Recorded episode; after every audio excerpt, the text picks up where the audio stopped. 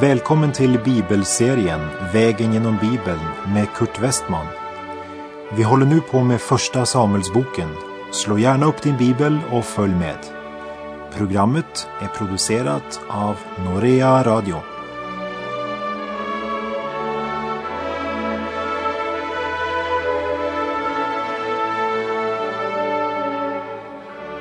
Vi har nu kommit till kapitel 11 i Första Samuelsboken och det handlar om Sauls seger över ammoniterna. När vi nu här i kapitel 11 läser om att Saul blir insatt som kung så är det tredje gången det omtalas. Första gången det nämns handlar om området där profeten Samuel bodde, kapitel 9.1 till och med 10.16. Andra gången det nämns är från 10.17 till 10.27 och det är i förbindelse med helgedomen i Mispa. Och nu i kapitel 11, tredje gången det omtalas, så är det knutet till Gilgal. Och det är ingen motsättning mellan de tre beskrivningarna. Tvärtom ger det en tredimensionell bild av saken. Första gången omtalas att Samuel är den siste domaren och att han är redskapet Gud använder för att kora den första konungen. Andra gången det omtalas, alltså kapitel 10 från vers 17 till 27, så uppenbarar det att det är Gud, den allsmäktige, som handlar. Även om det sker därför att folket självrådigt kräver att få en kung. Och när vi nu här i kapitel 11 får höra för tredje gången om att Saul blir insatt som kung, så får vi veta att Gud visar folket sin vilja och stadfäster den genom ett mäktigt tecken. I de föregående kapitlen sa jag ganska mycket negativt om Saul, även om det kunde verka som om jag inte hade god nog orsak till det utan bara en stark misstanke att han inte var äkta och inte var ärlig. Han hade nog blivit en god och ganska berömd skådespelare. Men han är inte någon god konung, även om han började bra. Och vi läser de tre första verserna i Första Samuelsbok kapitel 11. Och ammoniten Nahas drog upp och belägrade Jabes i Gilead. Då sade alla män i Jabes till Nahas, slut fördrag med oss, så vill vi bli dig lydiga. Men ammoniten Nahas svarade dem, på det villkoret vill jag sluta fördrag med er, att jag får sticka ut högra ögat på er alla och därmed tillfoga hela Israel vanära. Det äldste i Jabes sade till honom, ge oss sju dagars uppskov så att vi kan skicka sändebud över hela Israels land. Om då ingen vill hjälpa oss ska vi ge oss åt dig. Nahas och ammoniternas hat och förakt av Guds Israel är så stort att de är redo att tillfoga alla invånarna i Jabes ett så fruktansvärt lidande och livslångt handikapp. Jabes är offer för en stark, fruktansvärd och brutal fiende. De är i behov av räddning och befrielse. Det vill säga, de är räddningslöst förlorade om inte någon som är starkare än deras fiende kommer och besegrar fienden. Ge oss sju dagar, det vill säga tiden är begränsad och mycket kort. Vi läser verserna 4 till och med 7.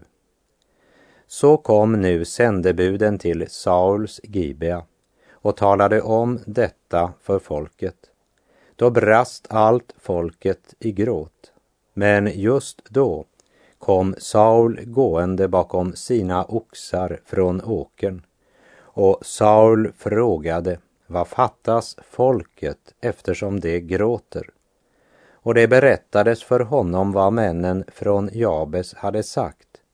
Då kom Guds ande över Saul när han hörde detta och han blev högt upptänd av vrede.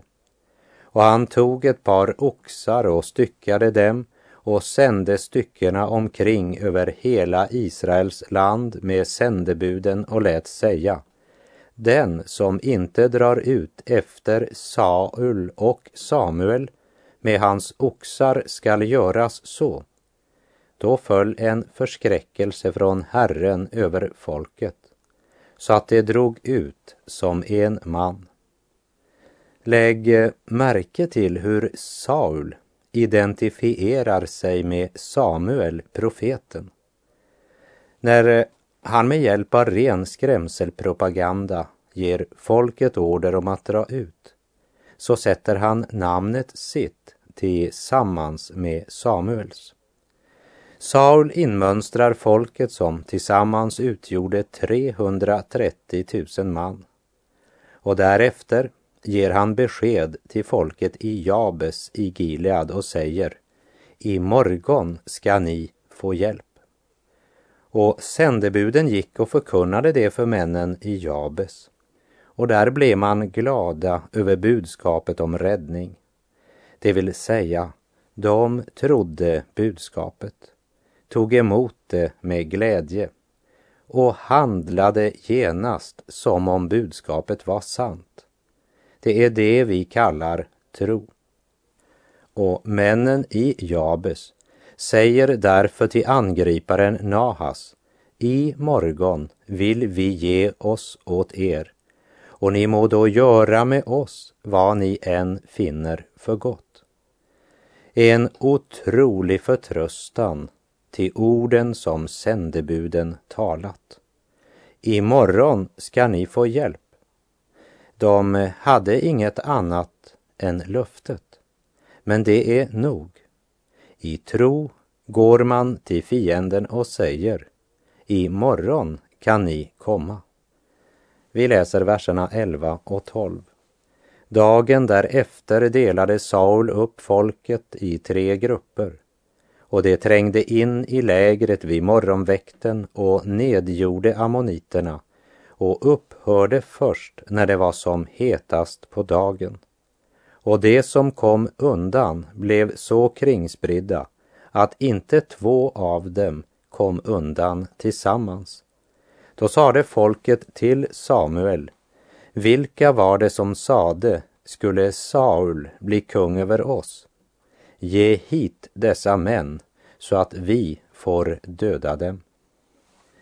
Här är det mycket viktigt att lägga märke till att det inte är kung Saul som får denna hänvändelse, men profeten Samuel.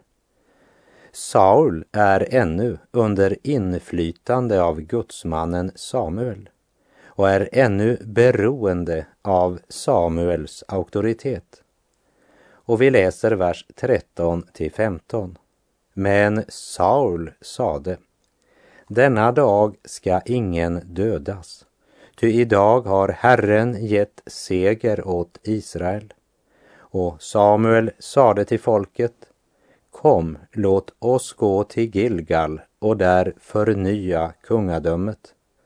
Då gick allt folket till Gilgal och gjorde Saul till kung där inför Herrens ansikte i Gilgal. Och de offrade där tackoffer inför Herrens ansikte. Och Saul och alla Israels män var där uppfyllda av glädje. När vi läser detta avsnitt så kanske någon har lust att säga, kan du inte se Kurt att du var för negativ i din bedömning av Saul? Se hur god han faktiskt är. Och jag måste säga att jag varit enig i det om hans livshistoria hade slutat här, men tyvärr gör den inte det.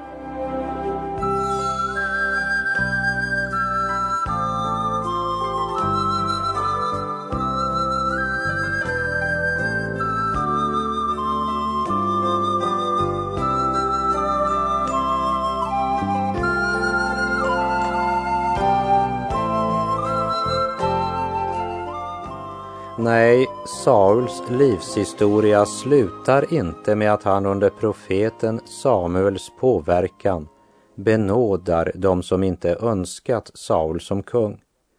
Och när vi nu har kommit till kapitel 12 i Första Samuels bok så låt oss läsa vidare, vers 1. Och Samuel sade till hela Israel. Se, jag har lyssnat till era ord och gjort allt vad ni har begärt av mig. Jag har satt en kung över er. Det här är profeten Samuels avskedstal. En gudsman, en sann profet, en Guds och folkets tjänare. Upprest av Gud, uppväxt i Herrens tabernakel. Men han följde inte i de ogudaktiga prästernas spår utan lyssnade till Guds ord och handlade därefter. Han har under många år varit herderösten i Israel, Israels ledare. Men nu ska han efterföljas av honom som var folkets val. Och folket hade valt en kung istället för att välja Gud. Och vi kan väl egentligen säga att Gud straffar dem genom att ge dem det de ber om. Men är folket trolösa så är Gud trofast. Han stänger inte dörren utan säger att han ändå vill välsigna Israels folk om de bara är lydiga mot pakten och tjänar Gud. Liksom Gud har smort och utrustat kungen och ger honom alla möjligheter om han bara sätter Gud först och lyder honom. Och vi läser vers 2. Nu är det er kung som ska vara er ledare, nu då jag är gammal och grå. Ni har ju redan mina söner bland er. Hittills är det jag som varit er ledare från min ungdom ända till denna dag. Samuel hade växt upp i templet och därmed öppet för hela offentlighetens insyn. Som en eh, guldfisk i sin skål hade alla haft insyn i hans liv från alla sidor helt sedan han var ung. I vår tid händer det att någon träder fram i offentligheten, blir mottagen av folket och får en hög ställning i samhället.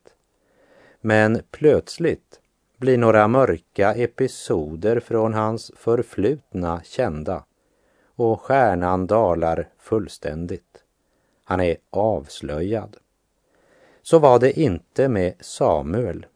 Redan som liten blev han given av sin mor till Herrens tabernakel. Och han levde hela sitt liv med offentlighetens ögon på sig. Han hade inget att dölja. Vi kan inte undgå att märka sorgens klang i Samuels ord och han säger Ni har ju redan mina söner bland er. Och så fortsätter han Hittills är det jag som varit er ledare. Vi minns från början av kapitel 8 i Första Samuels bok att när Samuel blev gammal satte han sina söner till domare över Israel. Men hans söner vandrade inte i sin fars fotspår, utan de sökte orätt vinning, tog mutor och förvrängde rätten. De blev inga ledare, utan endast vilseledare. Så trots Samuels söners formella ställning var det den gamle Samuel som fortfarande var ett salt i förruttnelsen. Ni har ju redan mina söner bland er. Det vill säga, jag behöver inte kommentera det mera. Ni har själva erfarit deras sätt att förvalta ansvaret. Så i praktiken har jag ju varit ledare helt till denna stund men nu. Och med detta så framhäver Samuel att de rättningslinjer som gällde för en domare gäller även för kungen som har samma ansvar inför Gud angående hur han leder sitt folk. Och vi läser i vers 3. Se, här står jag. Vittna nu mot mig inför Herren och inför hans smorde. Har jag tagit någons oxe? Eller har jag tagit någons åsna? Har jag förtryckt någon eller övat våld mot någon? Har jag tagit mutor av någon för att jag skulle se genom fingrarna med honom? Jag vill då ge er ersättning för detta. Det här uttalandet är fantastiskt. Av en man som levt hela sitt liv inför offentligheten och som varit folkets domare genom ett långt liv. Han hade många möjligheter till extra inkomst och till att utnyttja andra, men hade aldrig fallit för den frestelsen. Samuel är en av de fantastiska personligheter som skriften presenterar för oss. Han var en Guds man mitt i en ond tid. Den som lever med Gud behöver inte skylla på tiden han lever i. Det finns så många människor idag som inte lever i den tid i vilken de är födda. Det vill säga, de lever antingen i det förgångna eller också drömmer de om framtiden. Den som verkligen lever med Gud lever nu. Folket har ingenting att anklaga Samuel för. Men Samuels stora smärta är att han inte fick barnen med sig. Samuels söner vek av från den väg deras far vandrade. Till himlen de ej tvingas, det blott i klockan ringes.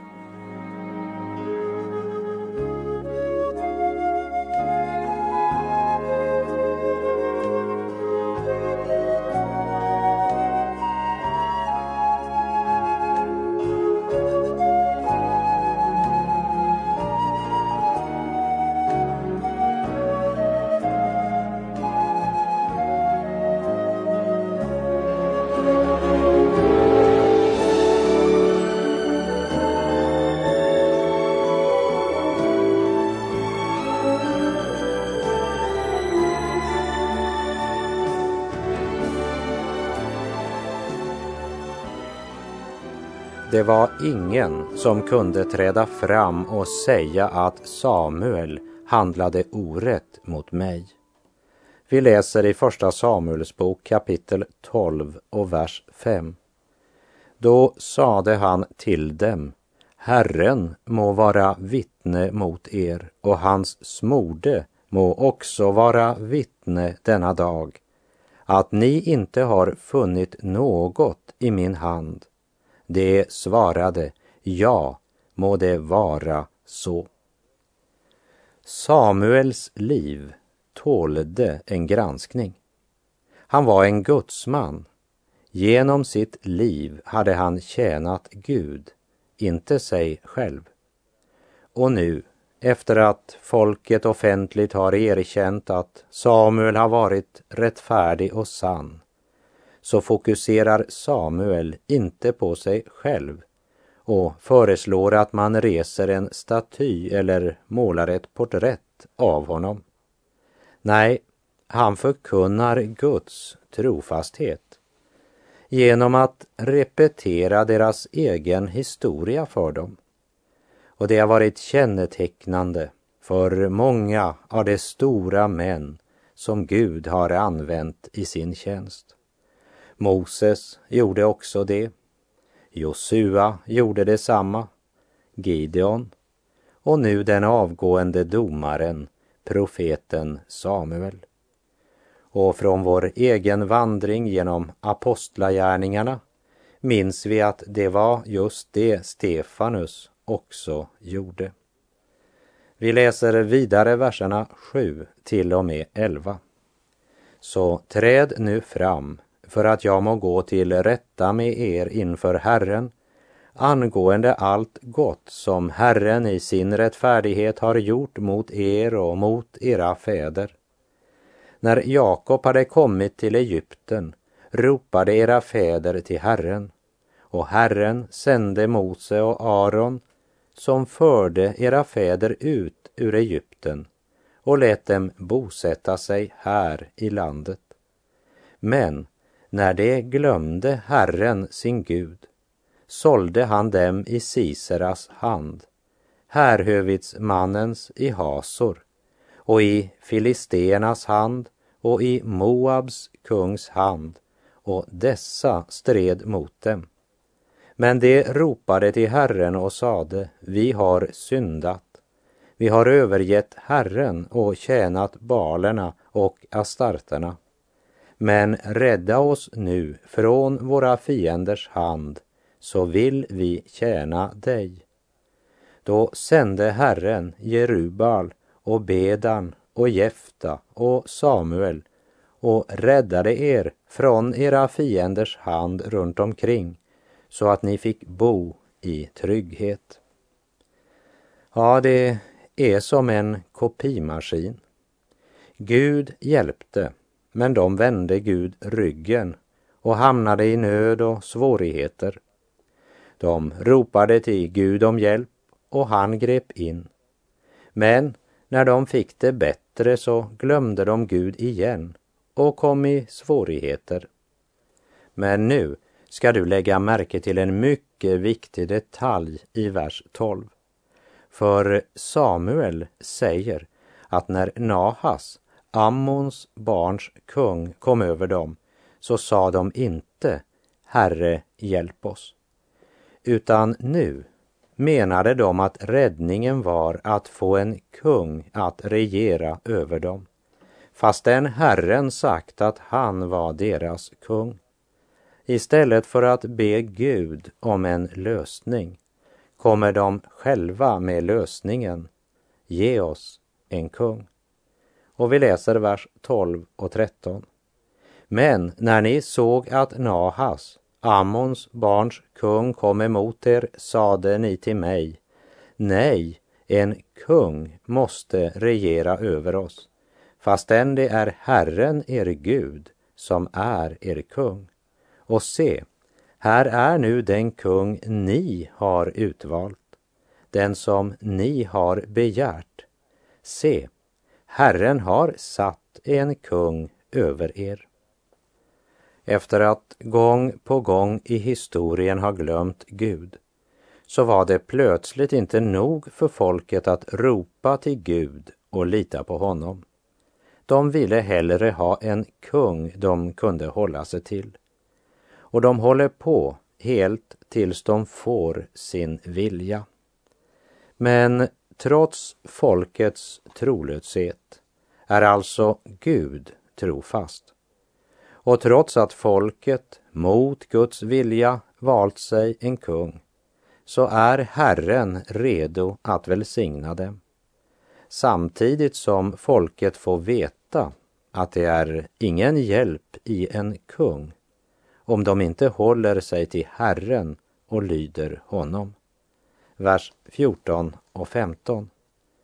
Nu må ni bara frukta Herren och tjäna honom och höra hans röst och inte vara motsträviga mot Herrens befallning. Ja, både ni och den kung som regerar över er må följa Herren, er Gud. Men om ni inte hör Herrens röst utan är motsträviga mot Herrens befallning, då skall Herrens hand drabba er liksom era fäder. Och för att visa att det han här säger inte är en predikan som är Samuels egna tankar, men en proklamation av Guds eget ord, Därför ska det nu stadfästas med ett åtföljande tecken. Samuels förkunnelse är nämligen mer än vältalighet. Det är Guds eget ord. Och vi läser verserna 16 till och med 18. Träd nu också fram och se det stora under som Herren ska göra inför era ögon. Nu är ju tiden för veteskörden, men jag vill ropa till Herren att han må låta det åska och regna. Så ska ni märka och se hur mycket ont ni har gjort i Herrens ögon genom er begäran att få en kung. Och Samuel ropade till Herren och Herren lät det åska och regna den dagen. Då greps allt folket av stor fruktan för Herren och för Samuel. Samuel har predikat och alla församlade fick erfara Guds mäktiga amen. Därmed är folket utan ursäkt och de ber om förbön, vers 19. Och allt folket sade till Samuel, be för dina tjänare till Herren din Gud, att vi inte må dö, eftersom vi till alla våra andra synder också har lagt detta onda att vi har begärt att få en kung. De inser och erkänner att de syndade då de begärde att få en kung. Och där syndaren böjer sig för Gud och bekänner sin synd stänger inte Gud dörren. Vers 20. Samuel sade till folket, frukta inte, visserligen har ni gjort allt detta onda, men vik nu bara inte av från Herren, utan tjäna Herren av hela ert hjärta. Det är förlåtelsen som förkunnas. Men inte bara förlåtelsen, men också förlåtelsens konsekvens. För det blir en konsekvens i det liv som upplevt rening och förlåtelse. Vilken konsekvens har förlåtelsen fått i ditt liv? Att tro är att höra och göra. Israel måste vända om och tjäna Gud av hela sitt hjärta. Med det är tiden ute för den här gången. På återhörande om du vill. Herren vare med dig. Må hans välsignelse vila över dig. Gud är god.